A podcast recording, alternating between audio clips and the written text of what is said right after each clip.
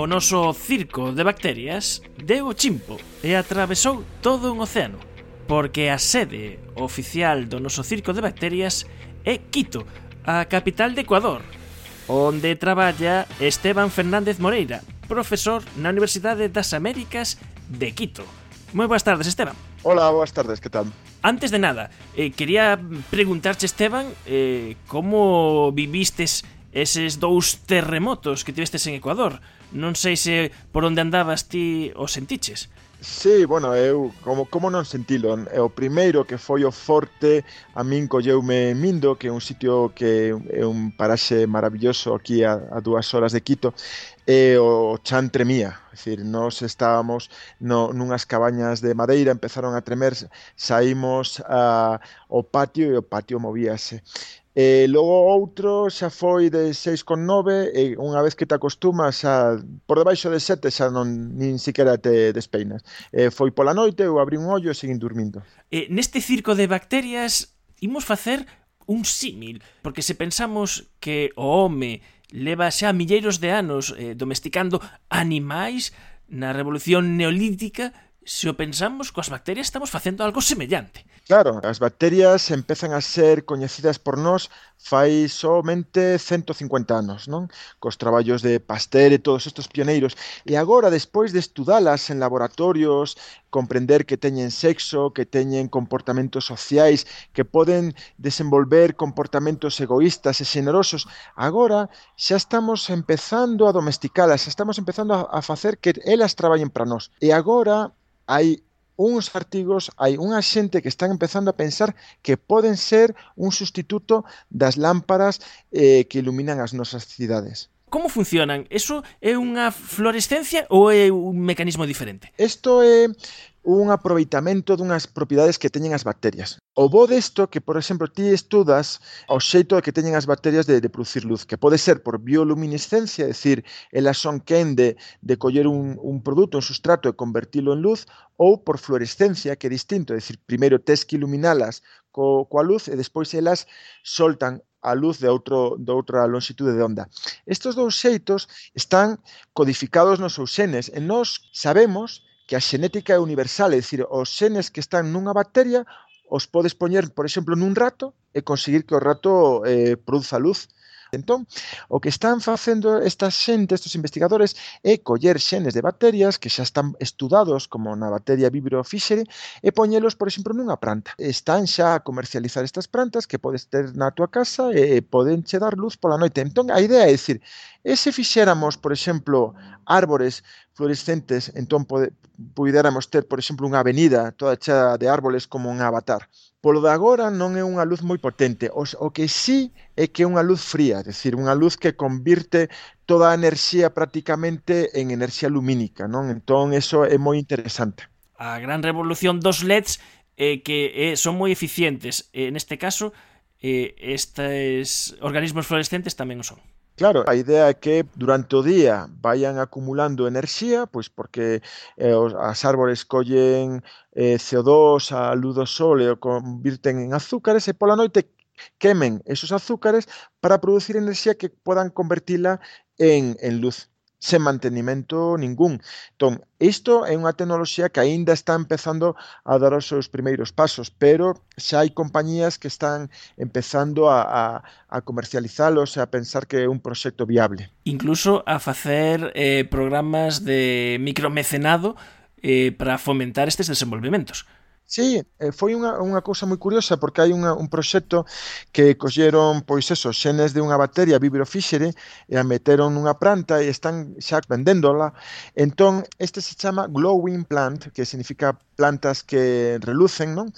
Entón eles eh, fixeron un proxecto de micromecenazgo, pediron 65.000 dólares e recaudaron 265.000, é dicir, a xente apoiou masivamente este proxecto, porque claro, hai moita ilusión, porque o proxecto é bonito e moi sustentable. Eh, utilizando o mesmo principio de, de inserir eh, senes eh, que sexan eh, bioluminiscentes, se poden facer máis cousas. Sí, obviamente estamos nun momento onde estas tecnoloxías empezan xa a sair dos laboratorios. Hai incluso eh, centros de biohackering, é dicir, xente que está facendo eh, digamos, organismos modificados en laboratorios amateurs, collendo organismos e xogando con eles. E claro, obviamente eso vai a, a desatar moitísimos proxectos moi imaginativos, pero tamén ten os seus riscos e os ecoloxistas están preocupados que deberíamos eh, ter en conta? É seguro, non é seguro? É difícil poñerlle portas ao mar, é dicir, unha vez que isto que esta tecnoloxía está aí, a xente vai a empezar a xogar con ela. De feito, hai, hai proxectos eh, eh, que se chaman concursos de, de bioloxía sintética, xa levan tempo, dende, por exemplo, 2005, en Estados Unidos, eh, eh, os profesores das universidades daban aos, aos alumnos, incluso de, de bacharelato, eh, ferramentas para facer eh, organismos modificados genéticamente. Entón, aí o bo é que a xente é moi imaginativa. Entón, uns, un estudantes de bacharelato de Texas fixeron as primeiras fotografías, en vez de, por exemplo, empregar papel fotográfico, empregaban pois cultivos bacterianos que lle, lle iluminaban co, co negativo e de repente o, o, o cultivo positivaba a imaxe. Entón, a partir dai, xa vos contarei, hai cousas moi moi interesantes nese sentido. Problemas, É dicir, nós non sabemos o, o, que, o que pode pasar cando liberamos organismos modificados genéticamente. Entón, eh, podemos aprender incluso do pasado. É dicir, cando o home, eh, por exemplo, fai 15.000 anos, perseguía os uros e os bisontes, e miraba, non? E dicía, mira ese pequeno ano, co, año como está mamando de, de, da súa nai e se nos poder, poderamos ter a leite da súa nai. Estaba empezando a facerse preguntas. Entón, hai un momento en que nós empezamos, fai 15.000 anos, a domesticar estes animais e ao, ao domesticar as vacas, nós collemos as, as enfermedades das vacas foi unha, un, un prezo que tivemos que pagar. Collemos a tuberculose, que é unha bacteria que ven das vacas e agora é unha enfermidade humana. Tamén collemos o virus da, da, da viruela, que é un virus que ven das vacas. Eso, claro, provocou eh, unha, unha, unha mortandade. Por exemplo, aquí estamos en Ecuador, aquí eh, cando chegaron os españoles, a meirande parte dos, dos indígenas morreron por culpa da, da viruela, non?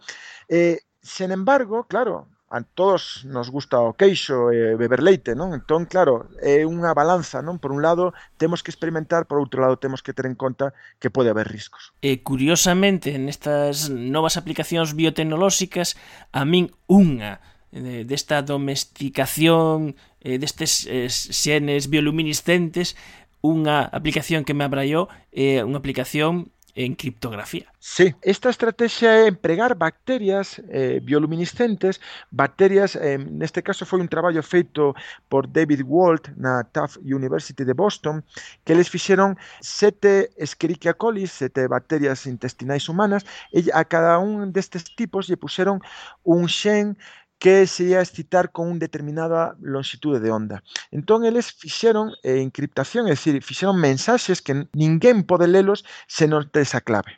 Entón, tens que saber a clave de como están feitas as combinacións, tens que saber con que longitude de onda, e incluso eles fixeron outro nivel de complexidade que foi que estas bacterias levan xenes de resistencia aos antibióticos. Entón, se non atopas o antibiótico Eh, e coa que tes que crecer as bacterias non podes ler o mensaxe. Por exemplo, eles fixeron un, un, unha combinación que somente podía ser leída se lle botabas ampicilina, un antibiótico, a esas bacterias. Se lle botabas ampicilina, podías ler no código.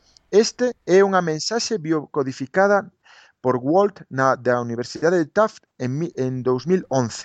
Pero se, por exemplo, botabas outro antibiótico, por exemplo, canamicina, o que leías era empregaches o código incorrecto e o que vas a ler é unha atrapallada. Esta mensaxe autodestruirase. Claro, non hai xente preparada para desencriptar mensaxes biolóxicas, polo tanto, eso che dá unha ventaxe, unha ventaxe importante na hora de, de, de conseguir que ninguén lea o que ti queres, que queres ler porque eh, a, a este paso para ter o mellor unhas comunicacións seguras o mellor va haber que escribir con boli e papel. Bueno, eso que están facendo agora na, na xencia de, de espionaxe de inteligencia alemana, eh, quitaron todos as, os computadores, as ordenadores de, das oficinas e están empregando outra vez máquinas de escribir de, das antigas, por qué? Porque eh, sabían que cando é eh, comunicación digital sempre vai haber alguén que poda romper o, o código. Entón agora obrigan a, a que o espía teña que saltar a valla, subir como pasaba antes de, de, de que existiran os ordenadores. Este circo de bacterias eh, está servindo para descubrir como acabamos domesticando tamén a, as bacterias que xa forman parte da nosa vida desde hai milleiros de anos, pero agora as coñecemos mellor e podemos tirar mellores proveitos de cousas das que ata agora nin tan siquera imaginábamos. Ademais, isto é importante porque nos permite reflexionar de como apareceron todas estas aplicacións. E todo isto apareceu nun laboratorio de ciencia básica de xente que estaba estudando bacterias que vivían simbióticas nun calamar. E dirás ti, e, para que estudiaban eso? Estudiaban porque esas bacterias empezaban a ter comportamentos sociais, é dicir, cando eh, estaban en un número alto delas, pois entón emitían luz. E isto aproveitaba o calamar porque, por exemplo, cando o calamar sentía que estaba amenazado, lle mandaba unha sinal ás bacterias, as bacterias eh, producían luz e isto enganaba os depredadores do calamar. Entón, estudando isto que é un problema, digamos, básico que non ten ningunha aplicación, se descubriron estos xenes de bioluminiscencia e destas eh, investigacións agora veñen as aplicacións. É dicir, isto é unha defensa da, da, da investigación básica. Hai que facer investigación básica para despois poder tener os desenrolos industriais. Esteban, bueno, encantounos o, o Circo de Baterías eh, desta tarde. Un saúdo eh, eh, moi grande aí a Ecuador e eh, nada, ata a seguinte. Un saúdo para vos tamén.